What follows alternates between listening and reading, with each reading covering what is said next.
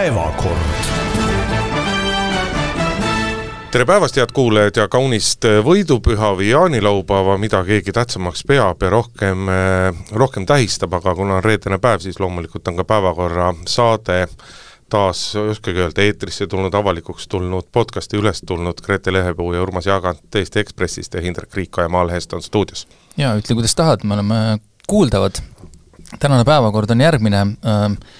riigikohus äh, otsustas siis, et opositsiooni kaebus äh, selle peale, mida korraldas koalitsioon või täpsemini siis Riigikogu juhatus neile, kui lõpetas äh, obstruktsiooni, noh, sisuliselt jõuga, seal oli kõik õige, Riigikohus siis võttis selle seisukoha, et et mingit nii-öelda rikkumist ei olnud, me võime muidugi natuke rääkida, mis selle sisu oli, mida seal oli või mida ei olnud või mida tegelikult hinnati, aga väga julgelt tõlgendad, väga ja, julgelt aga, tõlgendad. aga see, mida öeldi, oli see, et seda kaebust menetlema ei hakata. räägime sellest, mis kasu oli umbusalduse katsest äh, Kaja Kallasele, kes oli ähm, just enne seda saanud äh, vist Eestis rekordilise hulga äh, usaldushääletusega, usaldusküsimusega seotud hääletusi positiivse tulemusega tehtud Äh, kas sellel oli mingit mõtet või mida, miks selleks, miks seda üldse korraldati. Võib-olla parteide reitingutest räägime ka, mis siin äh, suvele vastu minnes, mida me näeme, mõnel on põhjust muret tunda, äh, mõnel erakonnal mitte nii väga. Eksami tulemustest saame rääkida, nüüd on meil olemas ka gümnaasiumi lõpueksamite tulemused ja nagu väga tihti, kui midagi toimub, siis tekib mõnedes peades idee, et kuidas tuleks mingeid asju jälle ringi teha. ja äh, tulnud on ka äh, üks prognoos, mida siin hakkab suvel ja sügise poole eriti äh, rohkem tulema, Eesti Pank ennustab siis äh, majanduse seisu sel aastal ja tuleva, tulevastel aastatel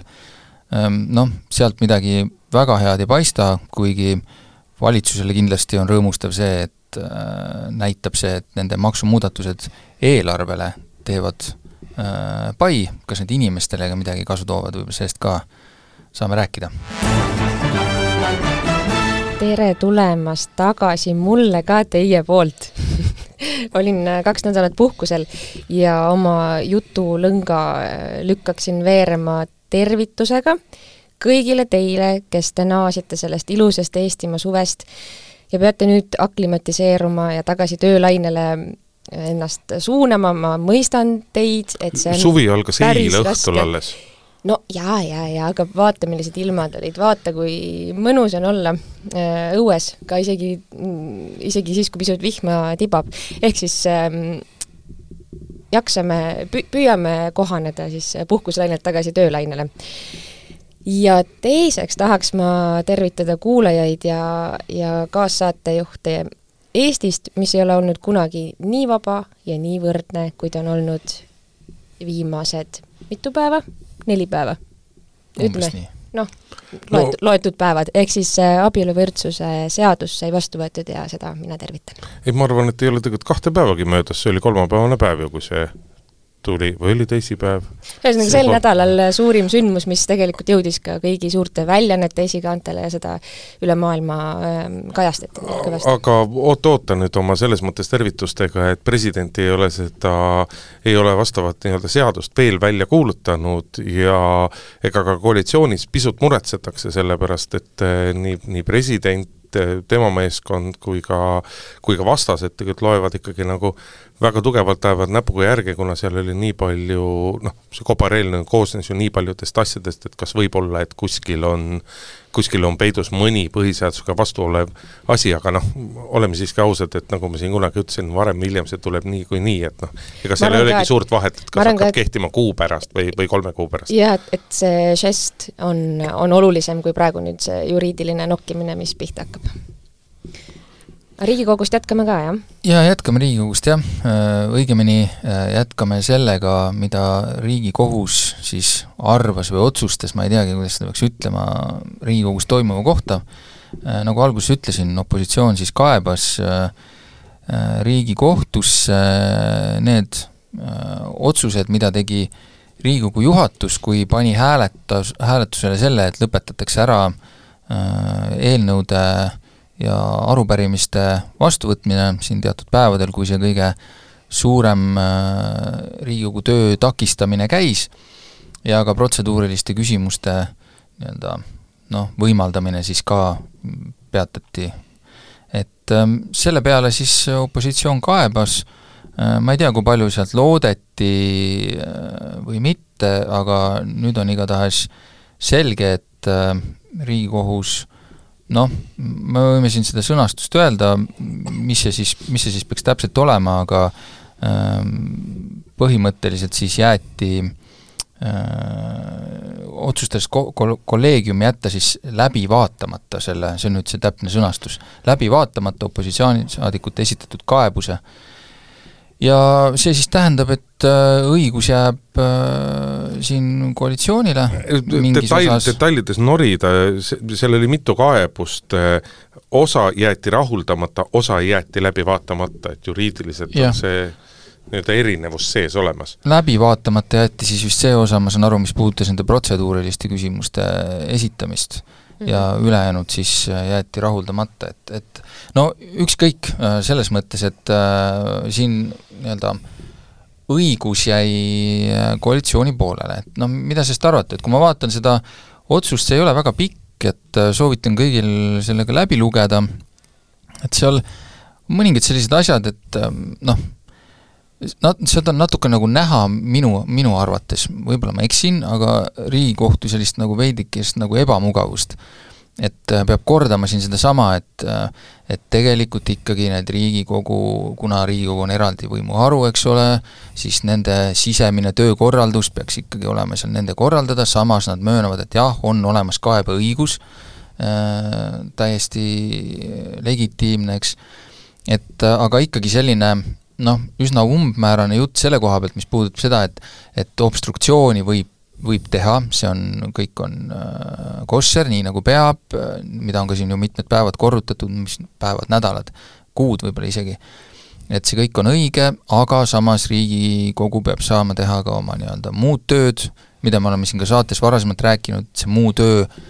siis sisaldab endas ka nagu eelnõude, seaduste vastuvõtmist, eks ole, kui seda teha ei võimaldata, siis tegelikult noh, Riigikogu ei täida täies mahus oma põhiseaduslikke ülesandeid, no ja umbes sellise, umbes sellisele järeldusele siis ka Riigikohus, Riigikohus jõudis. ta jõudis selleni siis, et ähm, obstruktsiooni tegemise õigus on praeguses olukorras nagu väiksema kaaluga kui see kohustus põhiseaduslikku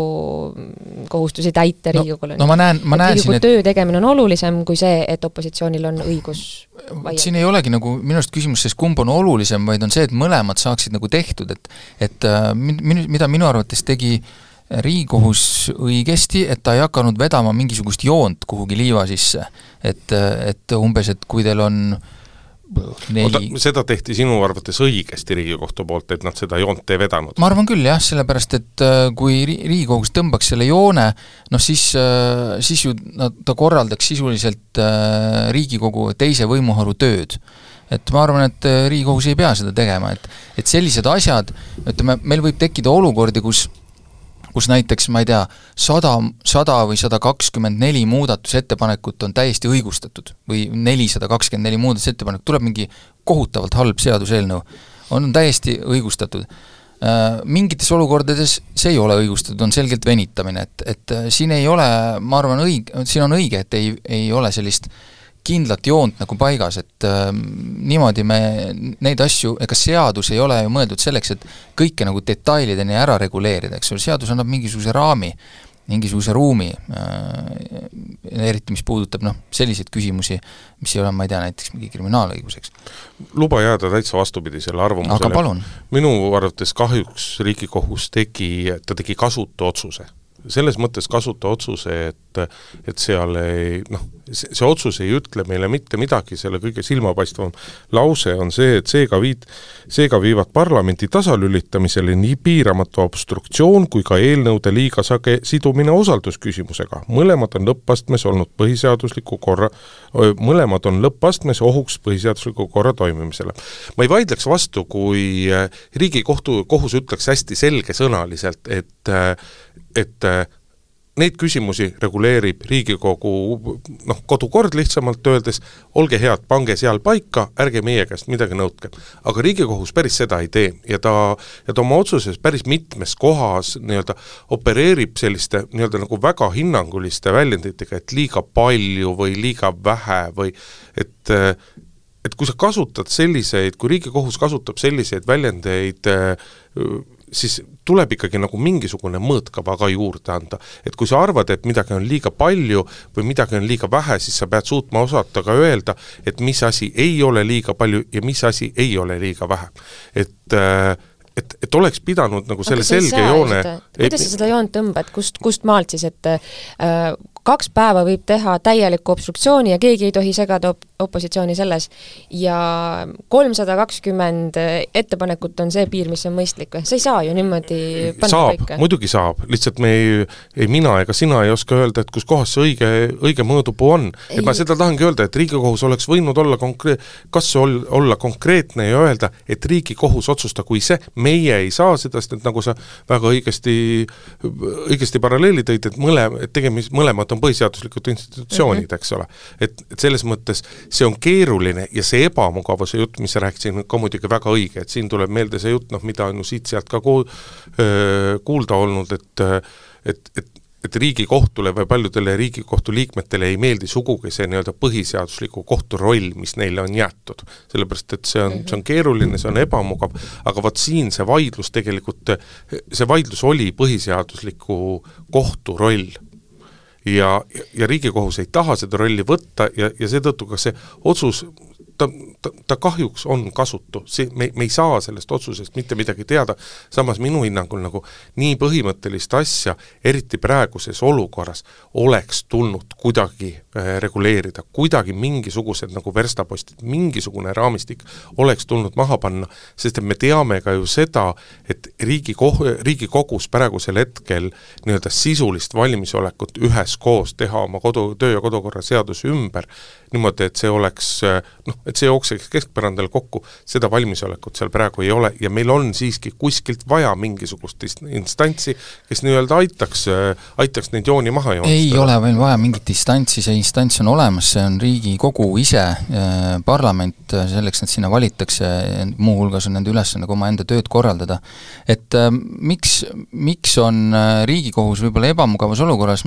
selle te näete kohe ära, kui te näiteks vaatate Martin Helme äh, Facebooki lehele tema postitust, kus ta ütleb ühe lau-, ühe lause esiteks, et Riigikohtu otsus ei ole kahjuks üllatav ja siis tembeldab äh, pool äh, Riigikohut siis äh, liberaalseteks kohtunikeks, eks ole. noh, eks riigikohtunikud kindlasti teadsid, et see umbes nii läheb ja eks Martin Helme teadis, et see võimalus tal avaneb ja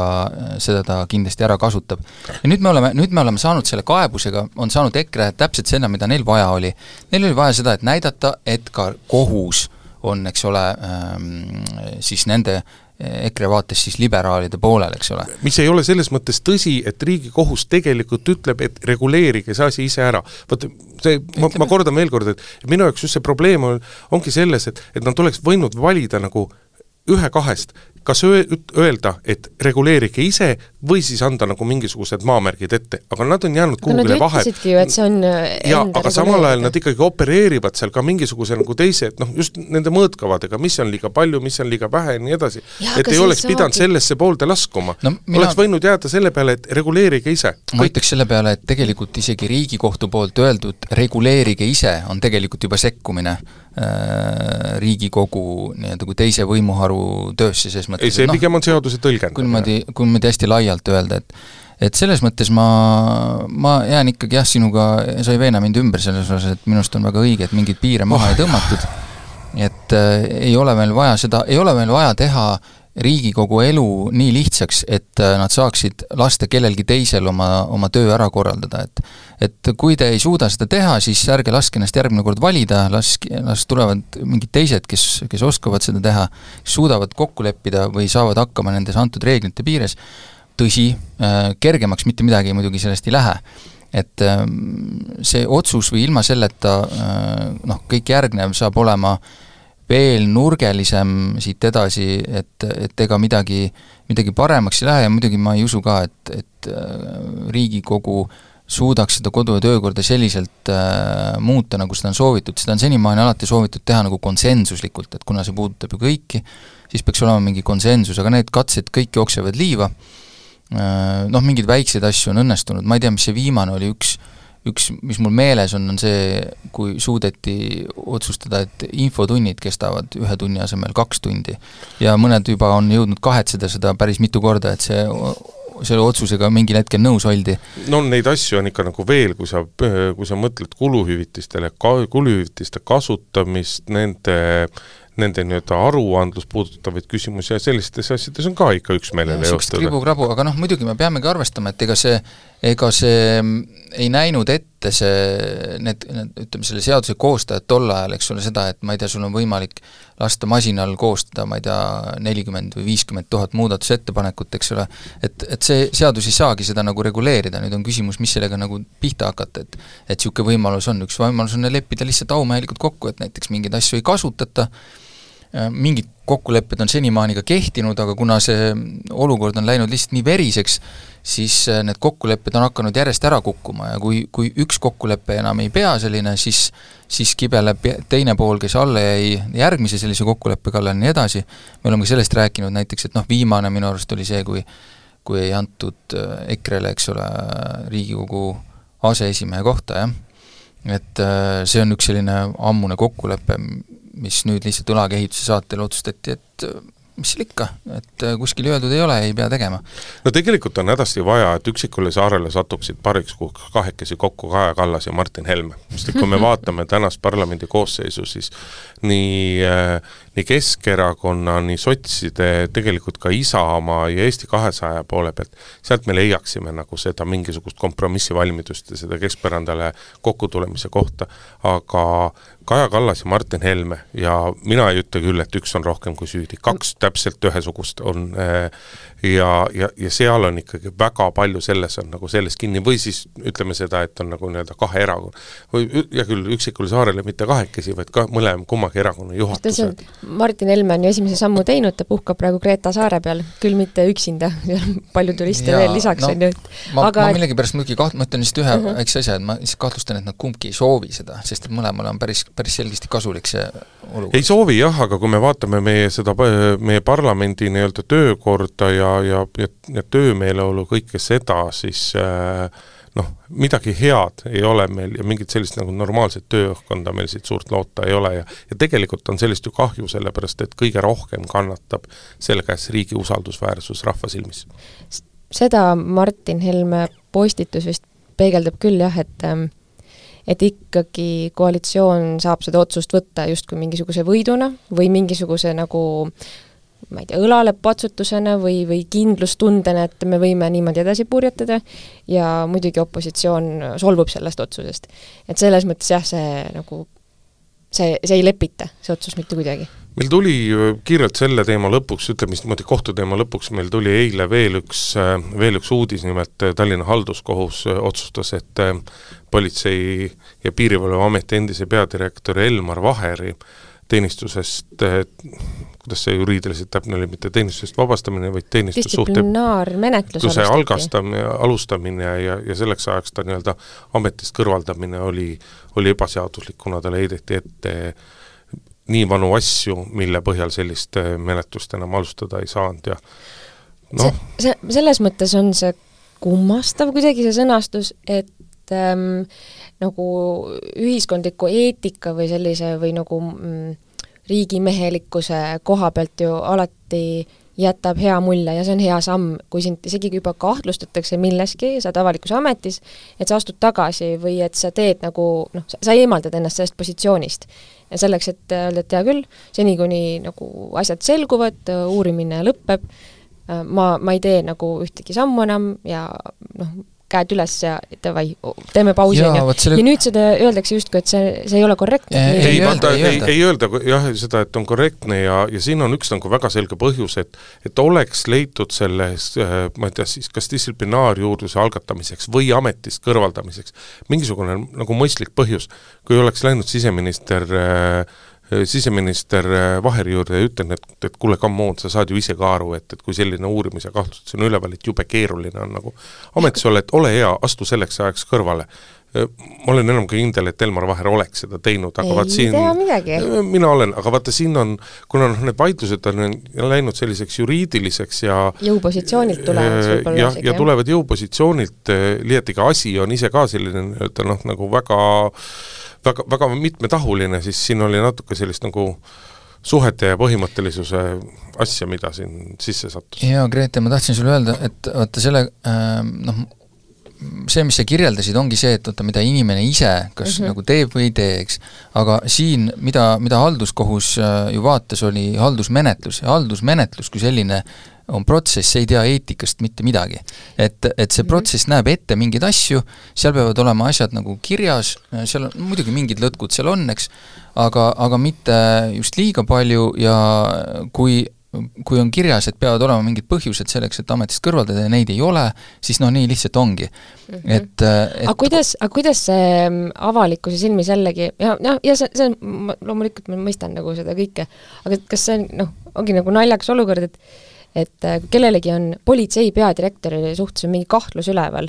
politsei peadirektor, ülitähtis inimene, nagu üli, riigi noh, ma ei tea, usalduse üks nagu sammas, on ju. tema suhtes on mingisugused kahtlused üleval ja siis justkui nagu distsiplinaarmenetlust ei tohiks alustada või ei, ei, nagu, sa nagu ei saa, vaata, ei sa ma saan aru, et ei saa alustada, kui sul ei ole tõendit ja, ja sellepärast on ta töölt kõrvaldamine ei, aga vaata seadus, seadus ütleb nagu väga see, mängureeglid on väga selgelt paigas ja see on, ja, ja mina vaataks otsa nagu Siseministeeriumile ja küsiks, et, et kuidas on võimalik, et Siseministeeriumis on nii kehvad spetsialistid, kes ei suuda vormistada sellist asja nagu korrektselt ära, sest et tegelikult sellele äh, nii-öelda sellele veale juhtis ju Vaher ja tema kaitse juhtisid kohe tähelepanu, et kuidas küll saab asju nagu selliselt vormistada. kuna meil on tegelikult riigi tasemel, meil on varasemast ju ka näiteid, kus inimesi, inimesed on kas ise kõrvale astunud või, või, või nad on mingis asjas, Marika Priske lugu kunagi Majandus- ja Kommunikatsiooniministeeriumis, kui ta kantsler oli, ja neid näiteid on veel, et küsimus on selles, et kuidas sa, kuidas asju nagu tehakse ja asju aetakse. et Elmar Vaher on nii mõistlik inimene, mina usun küll, et kui ta nagu, et kui tema juurde oleks läinud nagu normaalselt rääkima, siis ei oleks probleemi tekkinud, sest et ta sai tollel hetkel küllap ka ise väga hästi aru. ma võib-olla riskin siin natuke kellelegi liiga teha, või eriti siseministri, teha. siseministrile, aga mulle, mulle veidi tundub, et siin oli, et me räägime praegu äh, asjast, mil, mille otsus oli tegelikult natukene poliitiline. et õigemini äh, siseministril äh, ma, ma tunnistan, ma spekuleerin praegu, aga äkki oli nii, et siseministril oli tunne, et tal on vaja see asi ütleme, oma renomee jaoks kiiresti ära lahendada. Ja äh, siis ta te-, tegi niisuguse käigu äh,, lasi selle ära vormistada, et lihtsalt mitte, mitte et tal oleks vaja sellest inimesest lahti saada, ma arvan, et mit-, mitte seda, vaid just seda, et see asi langeks talle kaela, et kaua sa venitad, miks sa juba ei tee, kas ei peaks tegema ja kogu aeg sellele vastata. Äh,, otsustas, otsustas ta näit-, oletame, et otsustas reageerida kiiresti äh, ja otsustavalt, aga nüüd selgub, et võib-olla natukene liiga rutakalt, et noh, eks selle tajumine ongi nagu keeruline ja ega selles mõttes, kui see nii oli, äh, ma ei tea seda, aga oletame, et kui see nii oli, siis siis mõnes mõttes ei saa ka ju nagu ette heita, et äh, nagu ma nagu ütlesin, avalikkus kindlasti oleks oodanud siis sel hetkel juba, et tema juures nagu iga minuti tagant oleks keegi küsinud, noh, millal, no millal et ähm, noh, paraku see on, see räpakalt ei saa teha asju. ei saa. ja see, mida ma praegu kirjeldasin, see ongi täpselt see, mis on poliitikute töö juures nagu keeruline. et äh, sellepärast... tahaks särgi rinna pealt lõhki rebida ja öelda, et mina olen kõige ausam, kõige eetilisem, kõige puhtam, aga ära tõtta. et äh, poliitikutel on paraku jah, selline roll, kus, äh, kus on sellist natukene nagu halli ala, kus sa pead nagu laveerima nende asjade vahel, mis on nii-öelda kirjas kuskil ja ka siis see tunnetus ühiskonnas, et kuidagi nende vahel seda tasakaalu leida. no aga siis äh, räägin endale vastu viimase lause, et okei okay,, siis on just vastupidi hea teada, et nendest poliitilistest tõmbetuultest siis äh, nagu need, kes peavad jälgima, et asjad oleks seaduspärased ja kellelegi liiga ei tehta, et see siis ikkagi toimib aga lähme edasi ka nii-öelda valitsuse, parlamendi ja, ja ministrite, kelle kõigi tööga Kaja Kallas esin läbis sellel nädalal seitse usaldushääletust ja siis ka ühe umbusaldushääletuse. kõlab nagu loom... purgatooriumi läbimine. jah, mis loomulikult äh, läbi ei läinud ja mida noh, see, kui vähe tõsiselt võttis äh, opositsioon enda esitatud umbusaldusavaldust, äh, noh, seda näitas ehedalt see, et EKRE kui kõige suurema koalitsioonierakonna esimees läks puhkusele perega jah, kas ta ei olnud mitte juba selleks hetkeks ära läinud, kui veel toimus nende usaldushääletuste Äh, läbiliigutamine seal öösel. jaa, ikka, ikka ja, oli, jah. nii et ühesõnaga jah, inimene saatis, kutsus äh, kõigiti võitlema koalitsiooni vastu ja siis sel hetkel, kui tema siis noh, ma ei tea, kas sobib öelda alluvad, siis seda võitlust pidasid, siis ta läks ise minema, aga no hea küll. et, et vaatame seda, no selle umbusalduse kohta, no tõesti, see tundub natuke naljakas, et isegi kui ma seda jälgisin, seda noh, ainus piin, mis äh, Kaja Kallasel oli, oli poolteist tundi või natuke rohkem puldis olla siis vastata nendele küsimustele, millele ta on niikuinii juba mitu korda vastanud. kusjuures ta suutis ennast päris viisakalt äh, seekord üleval pidama, pidada ja üldiselt ei läinud nagu niisugust, nagu ma olen varem ka rääkinud siinsamas saates, et noh, nagu mõttetu äpluse peale ei Jaa, läinud välja. ma arvan, et sellel on selles mõttes ka põhjus, et, et, et kõik, kõik oluline oli ju tehtud. harjutamine teeb meistriks. et usaldus, usaldushääletused eelnõudega, mis olid päriselt talle olulised, olid ju kõik tehtud ja ma arvan, et seal oli lihtsalt äh, suur kergendus see poolteist tundi veel nagu juttu vesta seal opositsioonipoliitikutega, et see ei olnud mingi eriline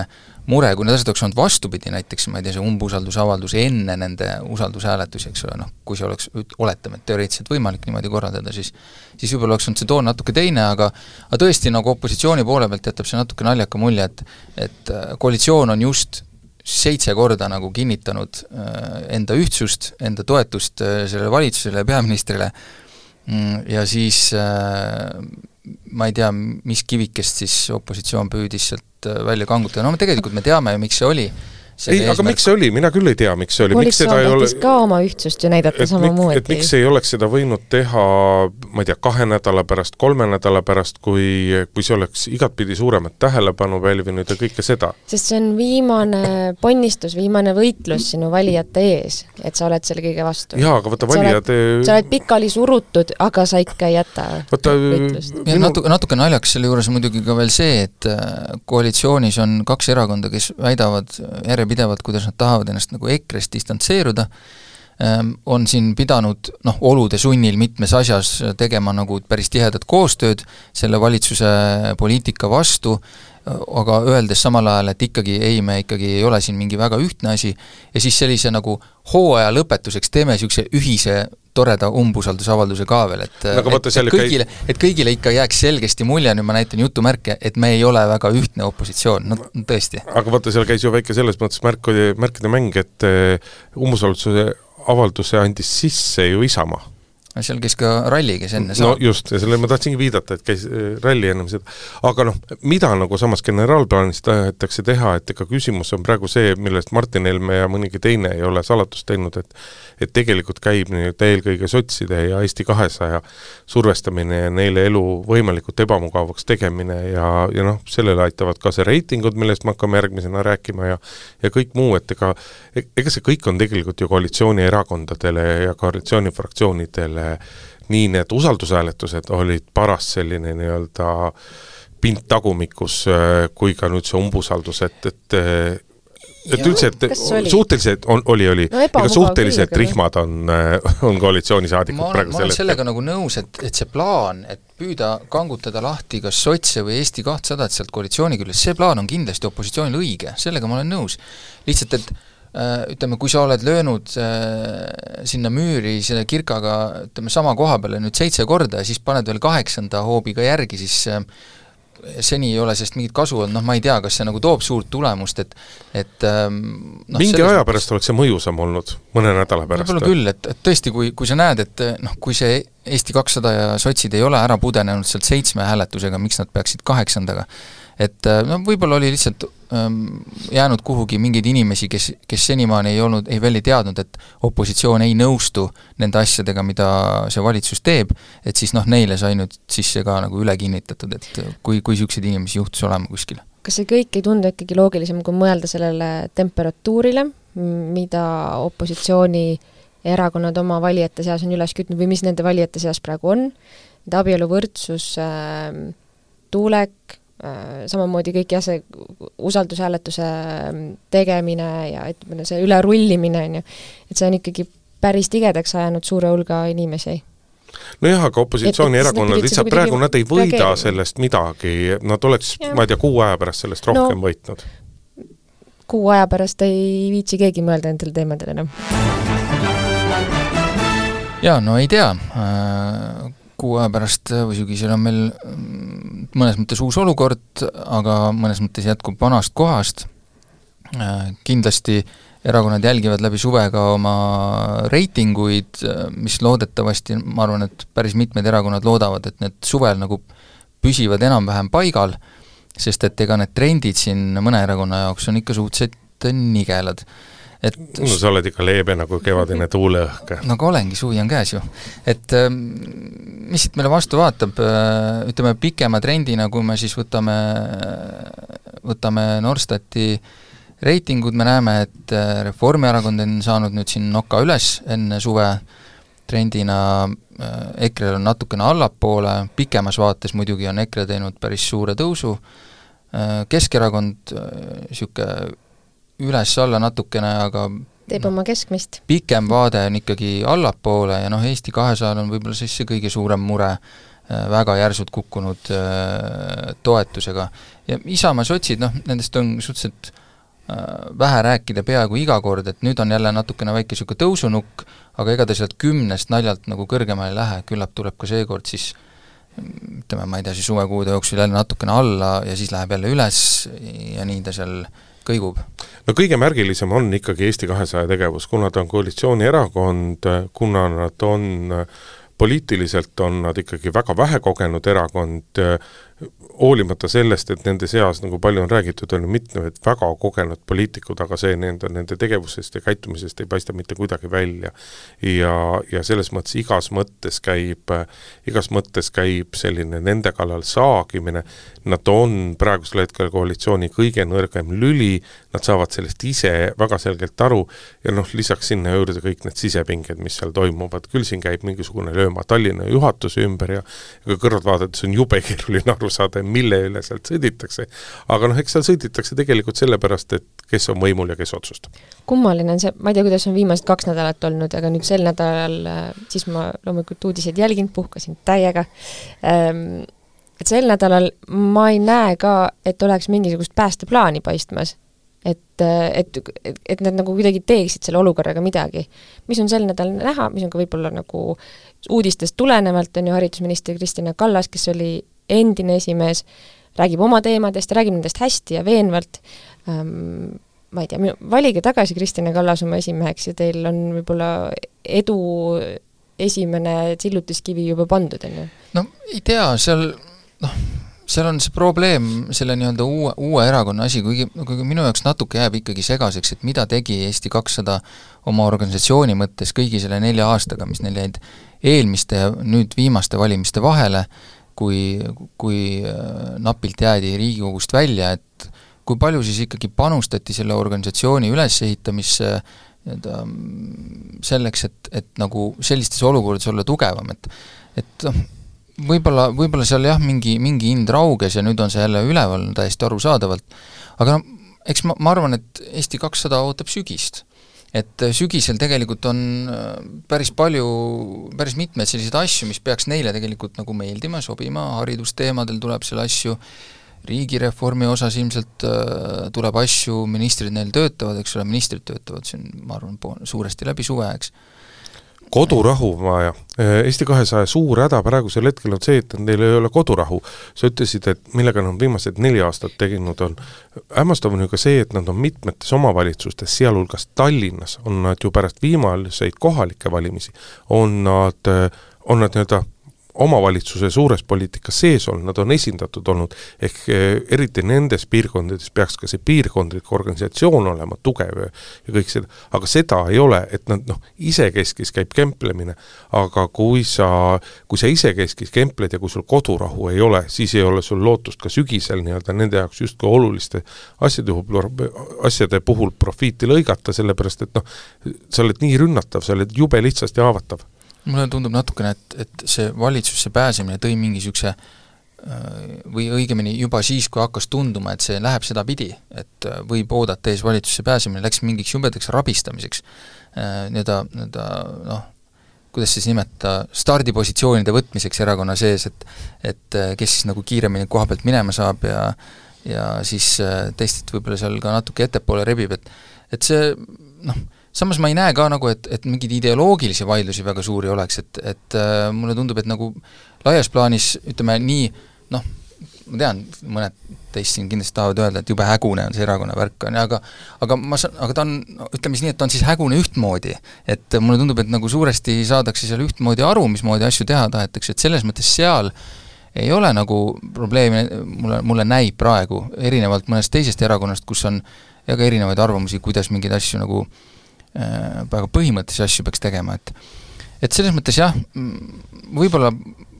niisuguse väikese reservatsiooniga poleks sinna asja sellise nagu õpi, õpikõvera alla või niisuguse kooliraha äh, semestritasu alla, eks, et see on nagu mingi krüpto crash lihtsalt on toimumas, aga kas see, kas see ei ole ja see crypto crash läheb lihtsalt veel hullemaks, mina ennustan, et nad näevad see aasta ära ka allapoole valimisreitingu kukkumist, meil tuleb, vabandust, valimiskünnise kukkumist, neil tuleb ette aasta jooksul äh, mõni mini-, mõni ministrivahetus mm., esimehe, esimehe vahetust ma ei usu, sest et noh, see on niisugune reguleeritud asi ja noh, küsimus on selle erakonna puhul, et kes on, kes on esimees ja kes on esimees mm. -hmm. kas see, kas ei ole nii, et Eesti kahe, kõige hullem asi, mis Eesti kahega, kahesajaga sai juhtuda ja juhtus ka, on see, et nad said valitsusse? Absoluutselt, tegelikult et, on see jah. kõige hullem, et sa tuled valdkonda, mida sa ei tunne, mida sa ei oska ja sa, sa ei oska täielikku turbulentsi. just, ja sa ei oska käituda ja eriti noh, kus see Riigikogu koosseis on mm., nagu ta on, Riigikogu matemaatika on, nagu ta on, et et see on suur, aga noh, me näeme siin kindlasti, me näeme ministrivahetust, me näeme äh, isikute tasandil mingeid vägitegusid, mida avalikult hukka mõistetakse ja kõike muud. Neil on, neil on lihtsalt hästi oluline on veenda ära äh, Reformierakond ja sotsid, et nende peale saab loota ja noh -hmm., okei okay,, me nägime praegu küll nende usaldushääletuste kõikide, seni on ju kõik pidanud, et äh, valitsuses mul on, ma olen aru saanud, asi töötab, äh, kõik toimib, seda me oleme näinud, et fraktsioonis on ka praegu ju asi töötanud, et, et mingeid ärakukkumisi ei ole et äh, kui, kui koalitsioonipartnerid on selles mõttes, saavad olla kindlad, siis noh, siis ilmselt jääb neil aega oma see sise, sisemised asjad nagu paika sättida, aga jah, ohtlikuks läheb tõesti siis, kui kui teistel hakkab tunduma, et ei saa Eesti kahesaja peale kindel olla ja seda nad peavad küll igal juhul vältima, et selline mulje tekiks. tahtsin ka sinna jõuda, et, et tuleb Eesti kahesajal kõvasti klammerduda oma koalitsioonipartnerite külge, on ju, et nad sellest tormisest veest neid läbi veaksid, on ju, ja, ja siis samal jooksu pealt veel või selle ujumise pealt, ujuma õppimise pealt veel kuidagi siis äh, korda seada ennast, jah. ja suve algus tähendab omakorda kooli lõppu, äh, põhikooli eksamitest, ma saan aru, olete kuulajad kurssi viinud ja arutlenud neil teemadel varem, nüüd on ka gümnaasiumid läbi ja eksami tulemused ka avaldatud ähm, ja kõva arutelu on jah, siin käinud sel teemal, et et kas ja kui palju ikka matemaatikast peaks oskama või ei peaks oskama, kas äh, humanitaaridelt tuleb nõuda kitsast matemaatikaeksami tegemist, kui seal äh, mõnes koolis on äh, läbi kukkunud iga teine õpilane, kelle süü see siis on ja, ja mis siis nüüd edasi tuleks teha. no ma ei tea, see on, selles mõttes on natuke nagu alati me kuidagi jõuame ühiskonnas kohe hüperbooli, et kui midagi on läinud nässu, siis järelikult tuleb see kas ära keelata, reguleerida, ära lõpetada või noh, et hästi nagu radikaalselt läheneda no,. reformima vähemalt. ja vähem, parendama, jah ehm,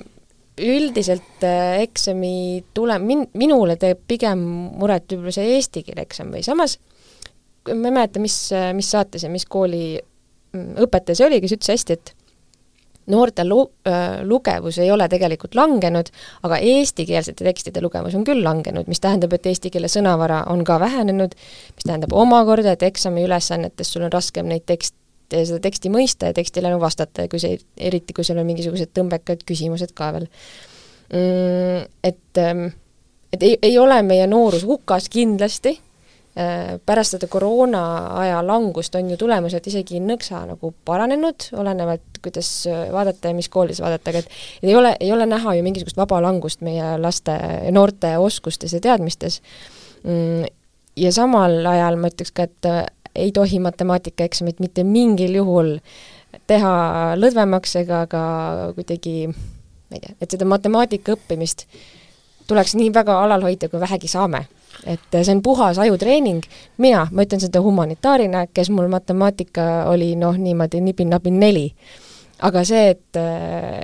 et me, et me annaks oma noortele noh, gümnaasiumis, kus sul ongi see hästi lai ampluaa teadmisi, erialasid, sa õpid bioloogiast, on ju, kehalise kasvatuseni, et tuleb oma ajukest arendada ikkagi maksimaalselt. No ütle selle matemaatikaeksami kohta nüüd midagi no,, Urmas. üks pluss üks on. ega ma ei ole ka mingi matemaatika fänn, eks ole, ja pole mul selles ka elus väga hästi läinud. aga see lindriruum on osta seetõttu nagu paremini, aga kas sina pidid tegema matemaatikaeksamit, sest mina ei pidanud pidin mina ka ei pidanud, mina ka ei pidanud, seepärast mul on hea öelda. pidin ikka tegema mm., see liiga hästi ei läinud, aga tehtud sain, äh, eesti keel läks selle vastu palju paremini. aga kas said üle keskmise? Ma ei tea, mis see keskmine siin matemaatika oli? matemaatika, kitsa, kitsa matemaatika nii-öelda keskmine tulemus oli, see on siis see lihtsam versioon, oli kolmkümmend kolm koma kuus protsenti või punkti või kuidas õige on öelda. mul oli ikka lai matemaatika, ma arvan. ja lai oli viiskümmend üheksa koma kuus. sellest oli paar punktikest vist kõrgem, aga ütleme niimoodi, et ega, ega midagi suurepärast ei olnud ja see oli muidugi päris ammu aega tagasi. aga noh, tervikuna jah, et, et äh, noh, võib-olla kui laiemaks teema tõmmata, et noh, ikka tekib küsimus, et no kas ikka on õige nagu niimoodi hinnata üldse, kas neid peab nagu tegema, mina leian, et nagu peab. et, et meil on vaja kuidagi võrrelda mitte, mitte nagu õpilasi omavahel, vaid meie haridussüsteemi nagu tulemust. et äh, kas, kas on vaja midagi ümber korraldada, mis, kas midagi läheb halvemaks, paremaks, et äh, väga keeruline on sellises kümneid tuhandeid äh, inimesi hõlmavas süsteemis nagu saada mingit adekvaatset pilti sellest, kas see väljund on nagu selline, kas, kas see tulemus on selline, nagu meil on vaja, kas see läheb õiges suunas. et selle, selles mõttes nagu noh, eksamid nad kindlasti nagu peavad olema ähm, võimalikult äh, standardsed ka, et, et oleksid võrreldavad äh, nii kaugele, kui vähegi saab, et sealt oleks võimalik teha siis mingisuguseid äh, mõistlikke nagu järeldusi või analüüsi, eks. et ähm, noh, jah, mulle tundub ka, et nagu see tulemus ei ole läinud nagu oluliselt kehvemaks, kindlasti et siin peab alati arvestama ka sellised, on mingeid selliseid kõikumisi nagu ma ei tea, mingid mingid aastad on lihtsalt mingites asjades nagu kehvemad, seda on ka varem spetsialistid tähele pannud, et et teatud aastakäigud nagu justkui on mingites ainetes nagu kehvemad, siis järgmised on jälle teistes kehvemad ja kolmandates paremad ja nii edasi, et et ei tea, võib-olla ühe aasta põhjal ei saa järeldust teha, kui vaadata seda näiteks noh, mis mind kõige rohkem muidugi huvitab, eesti keele Äh, seda muutust ajas, siis ega see ei ole nagu kena number tõesti, et üsna järsult ikka noh, stabiilselt läheb nagu allapoole. jah, kui vaadata neid numbreid, siis kõige hullem ongi eesti keelega ja eriti eesti keel võõrkeelena, ehk siis venekeelsed, venekeelsed inimesed ja ja selles mõttes ega need numbrid nüüd ikkagi head ei ole, et et sellise, valdavas osas sellise protsendiga ju tegelikult nii-öelda noh, kolme saab väga nibin-nabin kätte koolis, väga nibin-nabin, kui kui üleüldse, üldiselt kolm hakkab pigem sealt ikkagi kuskilt kuuekümne protsendi, kuuekümne protsendi juurest. jaa, aga, aga ei olegi mm, no mida me siis nagu hindame? Et kas need inimesed peavad kõik saja protsendi peale tegema neid asju? ei, nad ei hinda, aga nad võiksid siiski ju seda osata ja teada, mida mm -hmm. nad on koolis käinud ja mina näen küll siin selles mõttes väga selgeid probleeme, et alustades mitte tähtsuse järjekorras, siis vanemad peaksid rohkem oma, oma lapsi tagant sundima, mina sealhulgas lapsevanemana, väga selgelt, mis on vaata et kõige olulisem, et riik peab, riik peab looma koolidesse nagu normaalse normaalse nagu tööraamistiku ja, ja, ja õppekeskkonna, ühest küljest tuleb äh, lapsed tuleb tõmmata nii-öelda tihedamat lingu ümber, et eh, lingu otsa, et see, kuidas praegusel hetkel, kui palju antakse lastele aega järgi vastata, suuta parandada oma asju, kui raske on jääda istuma ja kõik nii edasi, on ühest küljest küll mugavad, aga teisest küljest eriti põhikoolis seda sundust on vaja. no midagi ei ole teha, seda sundust on vaja. ja si-, aga, ja kindlasti ma tahaks öelda ka õpetajatele, et ühest küljest äh, meil äh, seda tunnistavad paljud õpetajad ise, et kuna meie õpetajate keskmine vanus on, nagu ta on, siis õpetamise metoodika on tihtipeale ka selline, nagu ta on, ehk ta ei käi ajaga kaasas. aga kindlasti tasub muidugi alati ka paljudele õpetajatele meelde tuletada, et õppimine peab käima koolis, mitte koolis ei kontrollita kodus õpitut et, et see peaks olema nagu selgelt, selgelt vastupidi. aga kooli on vaja rohkem reegleid ja paratamatult, eriti põhikooli osas, on rohkem vaja nii-öelda ka õpilastele raame ja sundust, sest et ega suur osa sellest ongi tegelikult eh, paljude asjade lihtsalt nii-öelda nagu pähe tuupimine, selle jaoks, et sa tulevikus hakkaksid neid automaatselt kasutama, on need siis keelereeglid, on need siis matemaatikareeglid või mingid kolmandad, neljandad ja viiendad asjad. millal arvutasid viimati eh, koonuse ruumale? Sinu täiskasvanu eas, mida sa valemi kindlasti pähe tuupisid. eks sa tahad jõuda selle jutuni, et koonuse ruumale ei ole vaja ei äh,, ei, ei, ei, ma provotseerin sind, ei, ma tahan nii-öelda jõuda selleni, et äh, punkt üks, meil ei äh, jah, tuupima peab, sest et see lihtsalt bioloogiliselt äh, nagu treenib su aju, on ju, see on nagu aju, noh, ajus ei ole musklitega, no ühesõnaga saate aru. ja mm, et muidugi ma ei arvuta, kuigi ma arvutasin hiljuti, ehitasin peenrakasti ja mõtlesin, palju mul sinna mulda enam-vähem vaja, ops, oligi vaja ruumale arvutada. aga loomulikult me ei arvuta mingisuguseid trapetseid igapäevaselt ja nii edasi ja me ei pea neid valemeid kõiki nagu peast teadma, aga ka see valemite ja see, selle süsteemi mõistmine treenib meid jällegi teatud viisil mõtlema, meie loogikat, meie hakkamasaamist elus üleüldse, on ju,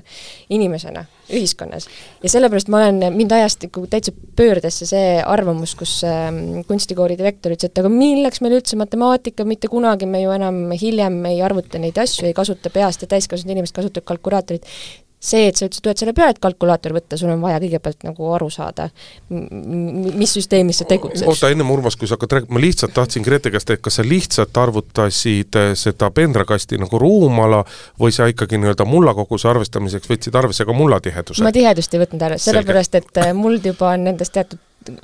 suuruses kottides ja kottide sees liitrite kaupa, jah. ja no ma tahtsin siia lisada lihtsalt seda, et äh, me ei saa nagu, me peame natukene arvestama sellega, et äh, et haridussüsteem, selline riiklik, äh, ta on tegelikult ikkagi na-, mingil määral on selline nivelleerimissüsteem, et ta peab nagu viima äh, noh, ma ei tea, kuidas ma ütlen, elutasanduskursus siis või, et, et ta mm. peab viima nagu mingil määral võrdsele nagu, võrdsele nagu tasapinnale, äh, ma tean, see on mõnede jaoks on see keeruline, see on liiga raske, mõnede jaoks on see liiga lihtne mm. -hmm. aga, aga noh, midagi ei ole teha, muud moodi nagu seda nii-öelda ühtset baasi meil nagu luua on nagu väga keeruline et, et selles mõttes on see kindlasti nagu tarvilik ja kuhu ma tahaksin, et me nagu jõuaksime, et et me, et me jõuaksime sinna, et, et mitte, et me peaksime tegema, ütleme, matemaatikaeksami kuidagi nõrgemaks, vaid et me jõuaksime sinna, et, et see on okei okay,, et mingid inimesed saavad seal kehvemaid tulemusi, et, et see ei tee nagu mm, -hmm. et see ei tee nagu kurvaks kedagi näiteks, et no ega ma ei olnud väga rõõmus, et mul see matemaatika tulemus oli selline, aga ma noh, aga ma sain nagu aru, et minu tugevused on nagu veidi mujal. aga miks me peame seda, ma, ma küsiks selle peale kohe vastu, et aga miks me peame sundima inimest tegema asja, mille kohta ta teab, et ta ei ole hea ja miks me ei, miks me ei anna sul on vaja ei, ei vaata, üks asi nagu on see, et kas kooli, ma ei räägi mitte sellest, et kas koolis õppida, loomulikult peab õppima matemaatika, seoste tekkimine, kõik mälu treenimine nii edasi, kas me peame seda lõpueksamitele nagu peale sundima? No ma üt-, nagu ma ütlesin alguses, äh, siin selle teema alguse poole, et, et selles mõttes on meil seda vaja, et meil oleks mingi pilt, kuhu see süsteem meil liigub, et äh, noh, mille järgi me muidu seda hindaksime, et õpilasel endal ka? õpilasel endal ka, et, et noh, muidugi eks see võistlemine on stressirohke, eks, ja kõigile see ei, kuidagi nagu ei sobi. Aga noh, paraku on elus ka nagu muid olukordi, kus on nagu niisuguseid võistlusmomente, mida sa ei soovi, aga mida sa pead nagu läbi tegema, et noh, mõnes mõttes on seda ka nagu vaja vähemalt nagu proovida, kuidas, kuidas, kuidas mingi inimene mingisuguse stressiga toime tuleb. ja muidugi mõned kaotavad seal, nagu ma ütlesin, kuna see on selline tasandav süsteem, siis see on kindlasti mõnede jaoks, see on, see on ebaõiglane nii ühtpidi kui ka teistpidi. et mõnedele on see äh, lihtne nagu jalutuskäik, teistele on see kohutav stress ja piin ähm,, ja ma arvan, et kõige suuremale osale ongi see selline asi, millega nad tulevad täitsa okeilt toime. noh, me ei saa sinna midagi parata, me, me personaalselt ei ole võimalik seda, ilmselt seda süsteemi kujundada selliselt, et me et me suudaksime ka nendest tulemustest midagi kasulikku välja lugeda, millest on meil abi selleks, et seda süsteemi nagu paremaks teha? ma ei tea muidugi, kuidas sinna jõuda, aga aga tegelikult peaks kuidagi saama mm, ka üleüldiselt edasi viia meie noortele lastele selle mõtte, tunde, et õppimine kui sa seda vähegi oskad või et, et sa püüa anda endast alati parim, et õppimine ei pea olema lihtsalt tuim pähe tuupimine, vaid see võib olla fun, teada asju, väike niisugune nohiku rubriik tuleb siit praegu. Äh,, aga et see point on selles, et äh, ta, kui sa annad endast parima ja siis, kui sa on ju ebaõnnestud, nagu sa ütlesid, Urmas, hästi, et, et see on ka okei. okay ja, ja samal ajal me peaksime kuidagi maha võtma, oot, oot, oot, Indrek, peaksime maha võtma selle pinge, mis, mida tunnevad tegelikult lõpetajad. et meil on ka see mingi niisugune noh, vaata eestlased on ikkagi juba kolmsada aastat ilusti koolis käinud ja haritud ja vaata, viidi ju meid siit Rootsi kuningale näidati, vaata see talupoeg käib koolis, imelaps on ju. meil on ikka veel mingi niisugune kramp on sees, et nüüd mm, kui sa sada protsenti ei saa, ma ei tea, kas sa ikka oled nagu, on, oled sa nagu kulutanud hästi meie aega ja vaeva vaeva ja millal tasud memme vaeva, on ju et sellest peab lahti saama, tegelikult päriselt ka lapsed on stressis, kuni selleni nad söövad rahusteid ja nad mõtlevad enesetappudest. et see kooli lõpetamise pinge tuleb kuidagi nagu lahustada või ma, ma ei tea, kuidas seda teha. ja vaata üks, aga üks lahendus, kus, kui viia nüüd teemat edasi uudiste raames ka, üks lahendus, mis võib seda aidata, võiks olla see, et koolide sisseastumiseksamid, mil ma räägin siis põhikooli lõpust üle minna gümnaasiumisse, et need tulevad pärast ähm, siis põhikooli lõpueksameid. et kogu see nagu haridussüsteemis edasi liikumine, järgmisesse kooli minek, äh, et see oleks natuke loogilisem noortele, sest et äh, praegu nad teevad katseid nagu hullud, alates mingist märtsikuust, on ju, siis tulevad sul riigieksamid, selleks äh, juuni keskpaigaks on sul eluisu otsas, no kui ma ütlesin, mõnedel päris nagu otseses mõttes, et vot seda süsteemi peaks me küll kuidagi parandama, et me ei peaks tegema nagu mitu korda põhimõtteliselt, et sinu teadmisi kontrollita põhimõtteliselt mitu korda ma kõigepealt, ennem kui me selle põhikooli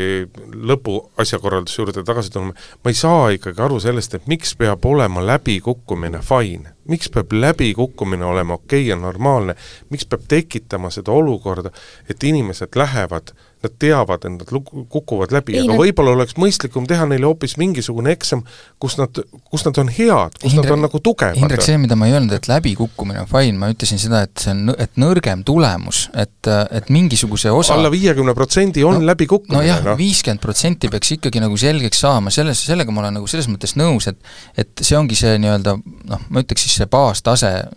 ma võib-olla, ma ei räägi kindlasti nendest terminitest, millest haridusvaldkonna inimesed räägivad, aga võib-olla see mõte ikkagi on enam-vähem see, et on mingi baastase, mis nagu ikkagi tuleb omandada, et et lihtsalt see, et, et, et sa ei saa, äh, ma ei tea, matemaatikas saad, ma ei tea, kuuskümmend ja eesti keeles saad üheksakümmend, et siis ongi nii, et sinu tugevused ongi seal, sa tõenäoliselt gümnaasiumi lõpuks seda juba teadsid isegi, aga sa suutsid ka selle matemaatika teha ära niimoodi, et sa ei kukkunud läbi ja see on täitsa okei okay,, et ta, et ta ei ole nagu äh, noh, rohkem, eks ole, kaheksakümmend, noh, tore oleks, kui oleks, äh, muidugi ma üldiselt kipun arvama, et äh, nii mitmekülgsed inimesed on nagu ikkagi tegelikult suhteliselt vähe, kes kes on no suutelised kõiges olema nii head, on ju, mõned on, aga enamik mitte. Ja lihtsalt, et et see oleks nagu aktsepteeritav, et inimesed endale ise ei teeks liiga sellega, et jah, sain jah, okei okay,, sain kuuskümmend või kuuskümmend viis või või seitsekümmend, see on täitsa, täitsa fine, lihtsalt minu minu tugevad küljed on mujal. selle teema lõpetuseks ma tahaks samas jälle retooriliselt küsida, et aga võib-olla me tegelikult, äh, me elame niivõrd kiiresti muutuvas maailmas, et võib-olla kogu see meie nii-öelda see haridussüsteem äh, see, mida õpetatakse, kuidas õpetatakse ja millele tähelepanu pööratakse, võib-olla tegelikult on see üldse täiesti ajale jalgu jäänud, sellepärast et noored on, tänased noored on hoopis teistsugused kui noored kümme, kakskümmend või kolmkümmend aastat tagasi, aga samas see, kuidas neid hinnatakse ja kuidas neid mõõdetakse, see käib ikka samamoodi, nagu see käis kolmkümmend, nelikümmend või viiskümmend aastat äk, tagasi põhimõtteliselt. äkki see lihtsalt ongi parim viis? mina mõtlesin, sa lõpetad selle lause, et äkki selles kiiresti muutuvas ajas see kool ja need teadmised on midagi, mis on püsiv jaa, aga räägime natukene lõpetuseks ka majandusest. Eesti Pank tuli välja oma prognoosiga, mis meie majanduses siis sellel aastal ja järgmistel aastatel ees ootab, no mul hetkel ei ole neid numbreid ees, ma ütlen lihtsalt selle järgi, mis, kui ma neid lugesin, neid kommentaare ja seda, mis, mis seal kirjas oli, siis minu nagu tunnetus sealt oli see, et see aasta saab olema halb, järgmisteks aastateks see, mida valitsus on teinud, need maksumuudatused eelarvepositsiooni hakkavad jõudsalt parandama, küll suurendavad natukene inflatsiooni, küll ja lisaks ka natukene vähendavad majanduskasvu, aga kui, kui eelarve oleks keegi murelik inimene, kelle nimi on näiteks ütleme eelarve, siis tema ilmselt oleks küll nagu suhteliselt õnnelik, et temal hakkab minema päris hästi nüüd on ja, küsimus, mis teistest saab? just, mis saab teistest ja ja, ja, ja Keskpank, Keskpank ei rääkinud palju sellest äh, nii-öelda kuidas kõik see mõjub äh, majandusele ja mida oleks majandusele vaja selle jaoks, mida oleks ettevõtlusele vaja selle jaoks. ja see on tegelikult praeguse asja muidugi, praeguse olukorras on kõige nukram, et äh, me ei kuule nagu üheltki poolelt midagi selle kohta, et mida plaanib riik või valitsus teha selle jaoks, et et Eesti ettevõtetel läheks paremini, raiutakse juttu eelarve tasakaalu poole püüdlemisest ja riigi rahandusest. Ja minu arust ei ole ikkagi väga pikka aega saanud ükski valitsus nii palju just nimelt ettevõtlusringkondade poolt kriitikat, kui praegu no, me jah, saame. ja eks... see peaks olema ikkagi väga tõsine ohumärk. minu meelest ei ole väga pikka aega saanud majandus tegutseda turumajanduse täielikus nagu vabaduses, kust meie mured pihta hakkavad, on koroonaaeg, kui hakati äh, järjest võtma laenu, järjest pumpama no ütleme, nagu moonutame turgu, loomulikult siis oli nähtavus oli null, on ju, me kõik arvasime, et tuleb masu kaks punkt null ja, ja selleks tuli valmistuda ja kuidagi ähm,, kuidagi sellest šo-, koroonašokist ja ülemaailmsest nagu majanduse seiskumisest välja tulla, aga see on nende inflatsiooni algus ju sealt tuleb. no ma paraku arvan, et see masu vist tuleb niikuinii, aga ta vist no, ei paista veel nagu lähimal ajal, aga aga no ma ei ole, Indrek, päris nõus, ikkagi natukene, see, see ahel on natukene pikem, et, et kui, kui tegelikult hoolega lugeda, mida Eesti Pank on öelnud, siis nad tegelikult ikkagi ütlevad, et et need asjad, mida nagu tehakse, need äh, noh, ütleme, tõstavad äh, lõpuks ikkagi meie konkurentsivõimet, äh, küsimus on noh, kui palju, eks ole, aga nad peaksid seda tegema ja selle tulemusena ütleme, ka meie need laenutingimused peaksid nagu noh, ütleme, kui mitte paranema, siis äh, vähenema või halvenema vähem, eks ole, et äh, kui me, kui me neid asju nagu kontrolli all hoiame ja see on nagu noh, hea nii majandusele põhimõtteliselt kui ka ettevõtlusele, muidugi milles on ettevõtjate mure, nende mure on see, mis on kohe ja praegu. Nende mure on see, mis on kohe ja praegu ja nende suur mure praegusel hetkel kohe ja praegu on see, et ümberkaudsed riigid noh, me võime vaielda selle üle, kas see on hea või halb, aga ümberkaudsed riigid oma ettevõtlussektorile annavad dopingut, mida meie ei anna ja selles mõttes ei ole me rahvusvahelises mõttes, me ei ole nii-öelda võrdses konkurentsisituatsioonis. ja sealt on, sealt on see probleem ja, ja noh, ega siis ilmaasjata ei lähe meil Euroopa, Eurotsoonis ei lähe Eesti majandusel kõige kehvemini praegusel ajal. üks asi muidugi, mida me peame silmas pidama ka nende valitsuse sammude juures, mis nad on nüüd teinud selle nii-öelda eelarve tulu poole kasvatamiseks ja ka selle ütleme, Eesti Panga prognoos ju räägib ju paljuski ikkagi sellest nii-öelda tulu poolest siis vähemalt eelarve vaates, siis, siis me endiselt, meil on nägemata võrrandi teine pool. et see, mis ikkagi saab nagu kuludest ja nende siis lubatud kokkuhoiust, ma ei tea siis kas mingist kärpimisest või ümbertõstmisest või äh, mingite duubeldamiste kaotamisest, et seda kõike me, me pole veel näinud ja ja tasub ikkagi hoolega silmas pidada, kas, kas see pool saab olema äh, sama noh, hoogne, nagu on nüüd olnud see, see nii-öelda tulupoole kasvatamine. ja mis sa tahaksid sellele küsimusele vastata või millise ennustuse sa tahaksid teha, raske südamega, aga tahaksid öelda, et tõenäoliselt me ei näe väga olulist kärpimist? no küllap me midagi näeme, aga midagi, kas ta, kas ta saab midagi. olema nagu jah, samas kaalukatego-, kaalukategoorias kui see nii-öelda tulupoole suurendamine, noh, ma kardan, et see asi mattub nagu detailidesse ja lõpuks äh, toimub tavapärane sendi saagimine.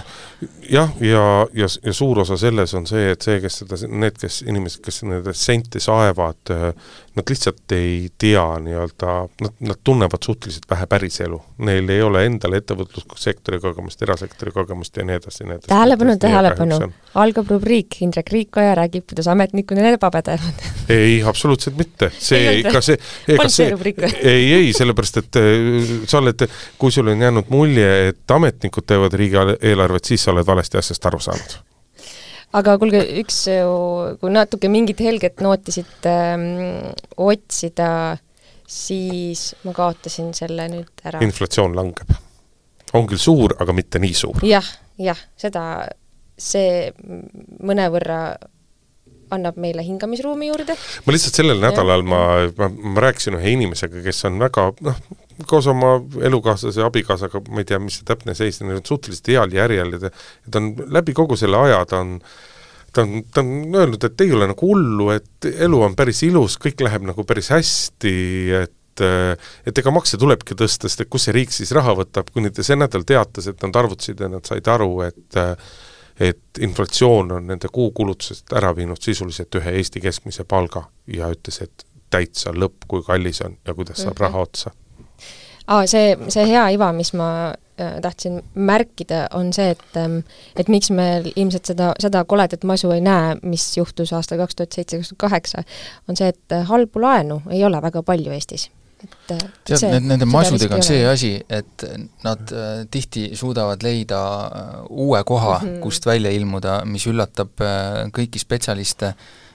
kes siis hakkavad tagantjärgi rääkima. äh, kuidas seda kõike oli tegelikult juba ammu näha tulemas, aga ke-, miskipärast keegi ei näinud. halba laenu muidugi ei ole, sest et nagu Urmas ühel saatel äh, elutargalt ütles, et eest-, et eestlane kardab näida vaene või kardab tunnistada, et tal on ka raske ja sellepärast on äh, eestlaste maksedistsipliin on väga hea. aga tõmbame tänase saate otsad kokku, tund aega on täis saanud, äh, laseme need inimesed jaanituld tegema, liha grillima. vastutustundlikult tegema tuld. vastutustundlikult tuld tegema ja õlut jooma, loodame, et tulevad ilusad päris pikad pühad ju tegelikult, esmaspäeval uue hooga saab töö, tööga alustada ja meie kuuleme uuesti järgmisel reedel. aitäh! päevakord